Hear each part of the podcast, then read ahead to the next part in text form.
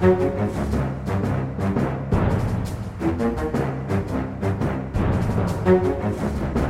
da kjører vi på med en liten ekstraepisode av Aftenpodden USA. Som vi snakket om i podden på tirsdag, Kristina, så kom det en dom i George Floyd-saken. Og nå sitter du oppe midt på natta i Norge for å gi analyser til lytterne. Vi skal gjøre det litt kort, tror jeg. Men eh, ja, dette skjedde kanskje fortere enn vi hadde venta.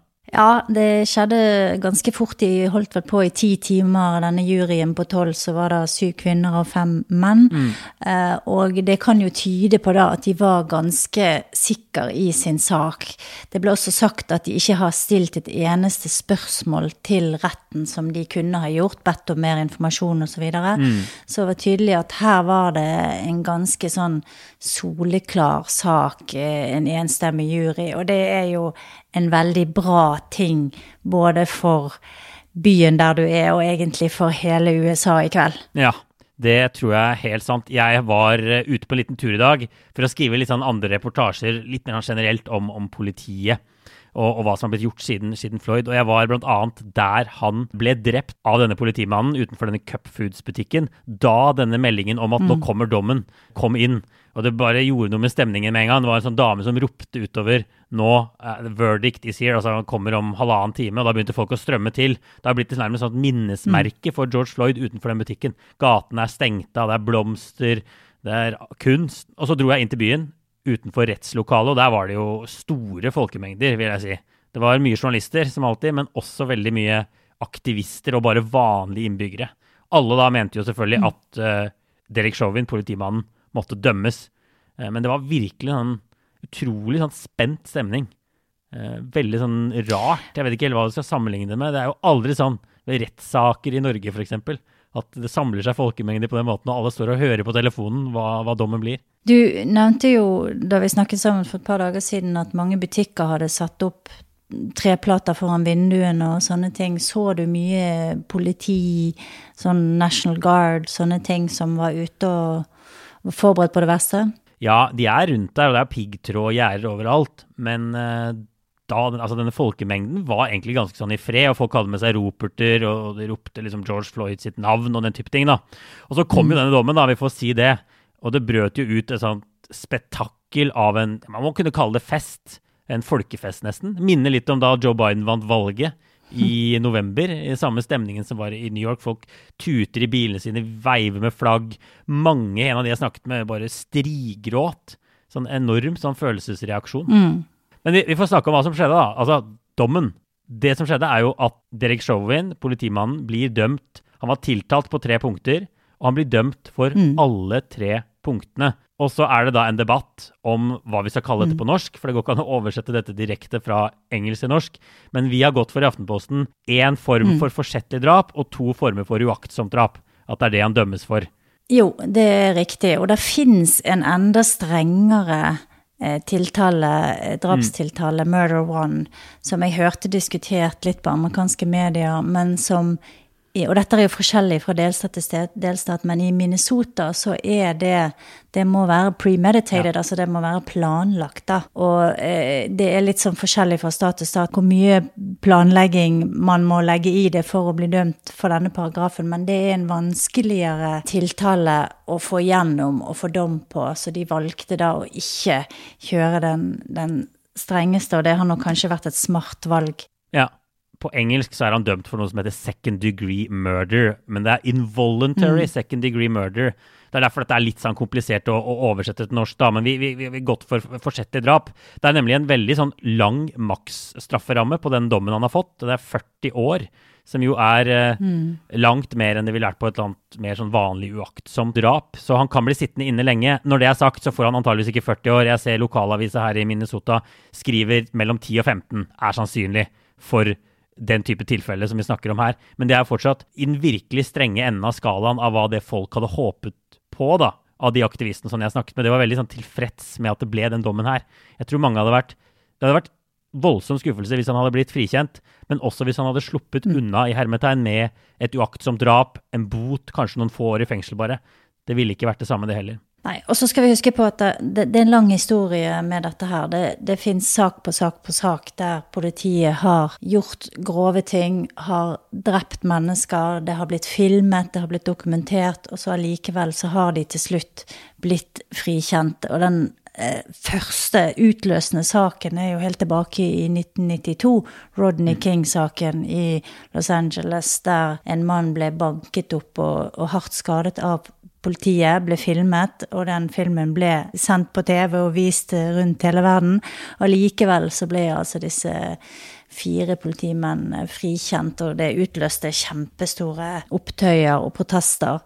Og så har du hatt sånne saker hele veien opp igjennom der The Blue Wall, som de kaller det, har stått. Politiet har beskyttet hverandre, og det har gjort at man har følt at det har vært en At rettferdigheten ikke har skjedd fyllest. Så jeg tror at det er også liksom en veldig sånn utløsende faktor i dette her i dag. At endelig har rettssystemet fungert også for, for svarte amerikanere som opplever overgrep fra politiet. Ja, den historien må man definitivt ha med. Dette handler ikke bare om George Floyd. det handler om, og Mange av de jeg snakker med, trekker nettopp opp denne lange historien. Og det var det som også gjorde Mange eksperter trodde jo at han kom til å bli dømt når de har sett på, på, på, på rettssaken og sett på juryen, sånn, så, så, lå det litt i kortene at det i hvert fall ville bli et uaktsomt drap, eh, minst. Eh, og, og, så kanskje da det mm. forsettlige drapet. Men det var jo likevel en nerve der, nettopp fordi man vet at politimenn har sluppet unna. Det er tolv mann i juryen, for å si kvinner og menn, da. Og hvis én sier uh, frifinnelse, så blir han ikke dømt. Mm. Så det skal jo en del til. Så det er også da, en veldig sånn, tydelig dom. Jeg merka at noen var veldig fornøyd med det. Tolv personer her har sagt han er skyldig på alle disse tre punktene. Det er på en måte ikke noen tvil i denne saken. Nei, og jeg, jeg har sett det at mange var, var, fryktet på forhånd at man skulle få en såkalt hung jury, der juryen ikke ble enig, mm. og så ender det bare med noe sånn usikkerhet, og at det kanskje hadde vært det verste av alt, da. Ja. For da får man nok en sånn uforløst situasjon. Så jeg tror uh, dette her var nok en veldig For veldig mange, og særlig for uh, afroamerikanske uh, delen av samfunnet i Minnesota, så var nok dette her en veldig viktig dag, altså. A lot can happen in the next three years. Like a chatbot may be your new best friend.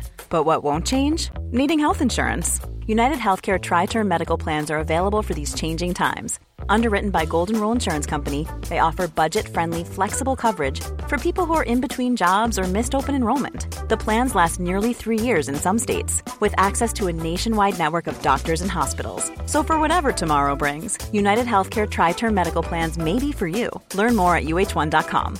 This is Paige, the co-host of Giggly Squad, and I want to tell you about a company that I've been loving, Olive and June. Olive and June gives you everything that you need for a salon quality manicure in one box. And if you break it down, it really comes out to $2 a manicure, which is absolutely insane. It's also so easy to get salon worthy nails at home with Olive and June. The difference between how your nails used to look when you did them yourself and now with the Manny system is a complete game changer. The best thing about Olive and June too is it's a quick dry, dries in about one minute, lasts for five days, and full coverage in up to one to two coats. Visit oliveandjune.com slash perfect Manny 20 for 20% off your first system. That's oliveandjune.com slash perfect Manny 20 for 20% off your first system.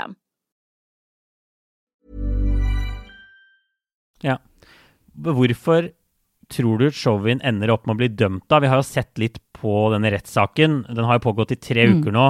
Jeg, jeg, tenker jo at det var jo ingen tvil om at de som Altså påtalemakten, aktor, hadde, de hadde veldig sterke kort på hånda her. Mm. De hadde denne videoen, ikke sant.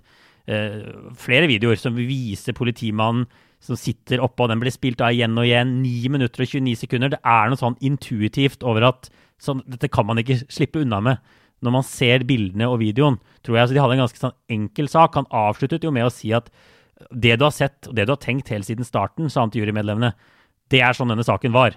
Han satte seg på han. Han drepte han mm. ved kvelning, oksygenmangel. Case closed, er det egentlig han, han sa. Og det virker som juryen kjøpte, da. Det er det det ser ut som. En, en, av de tingene jeg gjorde mens jeg ventet på at de skulle lese opp dommen, var at jeg, jeg satte meg ned og så på den videoen en gang til. Og det er fryktelig vanskelig å se på, faktisk. Fordi at det tar så lang tid. Ni minutter er ganske lang tid, og du hører folk som roper i bakgrunnen. Eh, han får ikke puste, slipper han opp, ikke sant. Du hører George Floyd selv rope. Og så har du jo da personell fra en sykebil som kommer, du har tre andre politimenn, det kommer etter hvert en brannbil. Eh, og du har flere kameraer. Du har også sånne kameraer på som eh, politimennene har på brystet. Så du har veldig mye dokumentasjon her. Mm. Og så har jo du da en mann som slutter å puste og ligger livløs, og der Chauvin sitter med kneet eh, på nakken hans eh, selv når ambulansepersonellet kommer og, og skal hjelpe han, så slipper han ikke opp liksom, før de tar han i armen og omtrent drar han vekk. Så det er noe sånn vi, vi, har snakket om det før, men akkurat denne videoen den er så brutal på en sånn sakte, slow motion-måte at det er det, det, måtte være veldig vanskelig å skulle frikjenne Chauvin i denne situasjonen her. Og forsvaret var vel det at han hadde, altså at George Floyd hadde en del narkotika eh, i blodprøvene sine, ja. og at de ville prøve å skape tvil om at eh, han kunne ha dødd av, av, andre ting, da. Men eh, det vant de jo ikke frem med. Nei, ikke sant. De, de, snakket om underliggende sykdommer som var helt reelt, og ganske mm. omfattende narkotikamisbruk, mm. opioider, og dette har vi også snakket om sammen før. Og de slang også ut en sånn sideidé om at karbonmonoksid fra noen biler kunne ha gjort det. Ja, Men forsøket var jo ikke liksom å, å, tegne om hele situasjonen, forsøket var bare å så nok tvil. Og hvis det er for mye tvil, sant, så kan du ikke dømme noen. Um, så det var det, de, det var det, de, forsøkte på, men som de da ikke mm. lyktes med. Og jeg tenker jo mm. Grunnen til at han også blir dømt, er jo det du var inne på i stad. Altså, du har uh, medisinske eksperter som sier han døde av uh, oksygenmangel, du har videoen. Og så har du flere politifolk, bl.a. politisjefen i ja. uh, Minnesota, som, som, som, knuser the blue wall, som du sier, den blå muren, at politimenn beskytter hverandre, og sier Han har tidligere kalt det for mord, det Chauvin gjorde. ikke sant? Veldig sterke ord. Mm. Totalslakt, mm. egentlig, av Chauvins politimetoder. Ja, det er jo mange politifolk fra hele USA som har gått ut og sagt at dette her er ikke sånn vi skal uh, gjøre jobben vår, dette her er galt. Hans egen fagforening har sagt at han burde bli sparket, så han hadde nok ikke så mye støtte fra, fra sine egne heller, og det har nok bidratt det også. Og så er det et tilleggselement som er det at i, i loven i Minnesota så holder det at du har bidratt til å forvolde noens død.